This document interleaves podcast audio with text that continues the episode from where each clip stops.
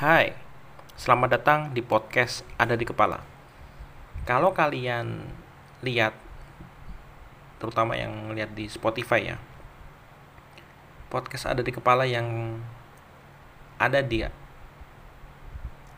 luaran saat ini itu adalah podcast Ada di Kepala yang saya restart. Mulai dari episode 1 lagi dan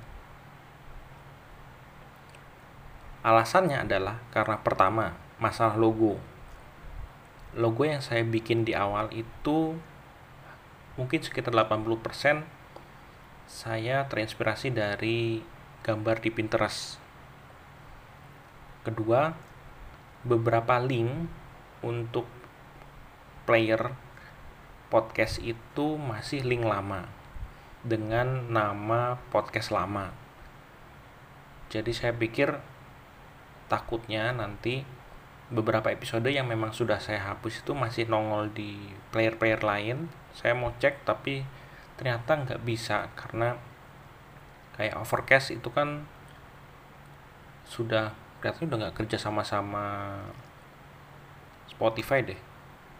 Eh sama sama Anchor maksudnya sama Anchor. Karena udah dibeli sama Spotify jadi cuma beberapa link aja yang bisa didistribusikan oleh Anchor langsung Nah, statistik di podcast itu masih menunjukkan kalau ada player yang memainkan episode-episode lama dan masih ada uh, situs yang memainkannya yaitu Overcast. Jadi saya nggak bisa ngecek daripada nantinya ribet. Ya udah saya akhirnya saya registrasi baru dengan email lama, eh email baru maksudnya dengan email baru ya saya pikir juga ya udahlah fresh start lagi. Karena awal-awal kan emang bener-bener nggak dikonsep untuk mau bicarain apa seadanya aja sekenanya aja. Jadi ke depannya sih maunya sih lebih ada isinya gitu. Tambah kan sekarang ini saya lagi beberapa baca buku. Jadi bisa share ilmu sedikit lah. Terus masalah logo. Logo itu yang awalnya saya bikin itu dari Pinterest saya dapatnya. Nah saya pengen nih podcast ada di kepala itu bisa jadi gede.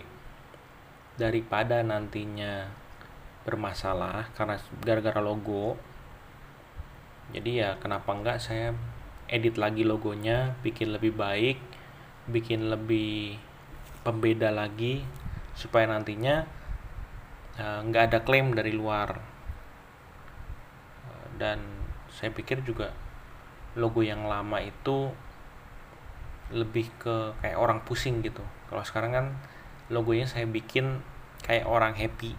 Intinya sih pengen lebih dari bikin podcast ini bisa bikin orang punya pemikiran kalau eh, permasalahan yang ada itu nggak selalu selamanya buruk.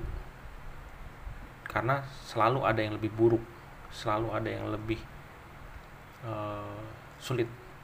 Jadi ya kalau sekarang ada masalah dicari jalan keluarnya jangan bingung malahan. Atau malah uh, mikir kalau kenapa kok begini? gitu Oke, sebelumnya karena ini restart dari awal, perkenalkan nama saya Hadli Wian. Saya seorang pekerja di podcast ada di kepala. Saya mau bicara tentang dunia dan tanda kutip menurut saya bisa tentang masalahnya, bisa tentang tren yang ada, bisa tentang pandangan Eh, lebih ke pandangan sih lebih ke pandangan saya tentang ap hal apa pun yang ada. Yes saya sih ngelihatnya uh, kalaupun podcast ini dipandang uh, orang ngelihatnya ngapain sih lu bikin kayak gituan? Lu tuh siapa? Lu tuh bukan bukan artis bukan ini bukan itu. Ya nggak masalah sih. Ini cuman kayak dokumentari aja sih. Dokumentari dalam bentuk suara dokumentasi sih dokumentasi dalam bentuk suara yang kelak mungkin di suatu hari saya bisa dengerin lagi untuk uh, bisa memahami dulu tuh saya punya pandangan apa sih tentang hal ini. Jadi ya itu perkenalan singkat dari saya Han Liwian dan tentang podcast di kepala ke depannya untuk episode pertama ini ya saya baru aja baca buku namanya Psychology of Money. Dan pada akhirnya saya kepikiran satu hal dari satu bab di buku tersebut. Bahwa yang menurut kita mengherankan atau keputusan orang yang mengherankan buat kita nih aneh gitu buat kita belum tentu salah belum tentu oh, nggak layak untuk dilakukan karena gini orang itu mengambil keputusan berdasarkan pengalaman uh, yang dia alami. Kalau di buku Psychology of Money sih dibicarainnya gini, orang yang menghadapi kesulitan ekonomi pada waktu semasa umur 20-an atau 20-an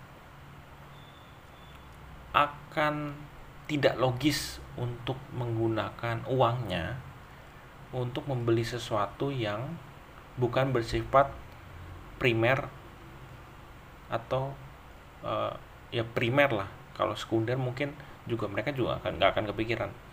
Tapi untuk generasi yang lahir di di masa-masa tenang masa-masa um, kemudahan itu meng menggunakan uang untuk hal-hal yang bersifat sekunder maupun tersier itu ya lumrah biasa aja. Dan itu juga berkaitan dengan kenapa orang yang mengalami jatuhnya pasar modal atau pasar saham ya selama masa mudanya akan melihat investasi itu sebagai sesuatu yang berbahaya. Sedangkan untuk generasi yang uh, hidup di masa mudanya itu melihat pasar modal tumbuh pesat akan melihat bahwa ya kalau lu mau kalau lu mau kaya kalau lu mau berhasil kalau lu mau tenang di masa masa tua lu maka uang lu harus lu investasikan ke pasar modal. Karena peningkatannya luar biasa. Nah dari situ aja udah kepikirannya kenapa orang bisa bertindak sesuatu yang menurut kita aneh? Misal ya eh, orang eh ya orang bisa membeli barang mahal. Misalnya tas sepatu atau bahkan jaket yang mahal misalnya. Kalau saya kalau saya sendiri yang masih kaum proletar yang ya bisa dibilang buruh lah melihat itu itu kok ya pusat mahal amat. E, barang itu seharganya ini seharusnya sekian juta.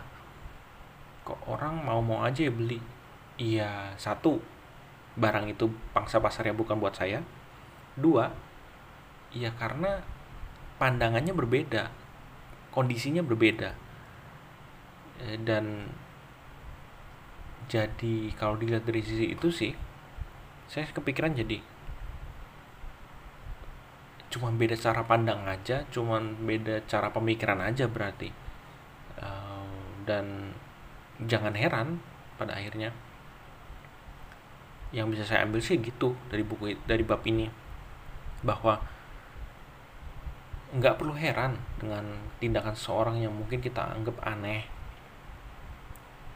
Uh, dan nggak perlu heran juga kalau misalnya ada orang yang menghemat uangnya atau kalau buat kita sih kok buat gini aja kok uh, dihemat-hemat? Ya kita nggak ada di posisi dia.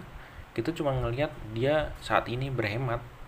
Tapi di belakang itu kita kan nggak tahu kehidupan dia seperti apa apa aja yang udah dilewati oleh uh, orang itu. Jadi ya jangan heran. Hmm, ini sih paling yang mau saya bagiin untuk episode pertama.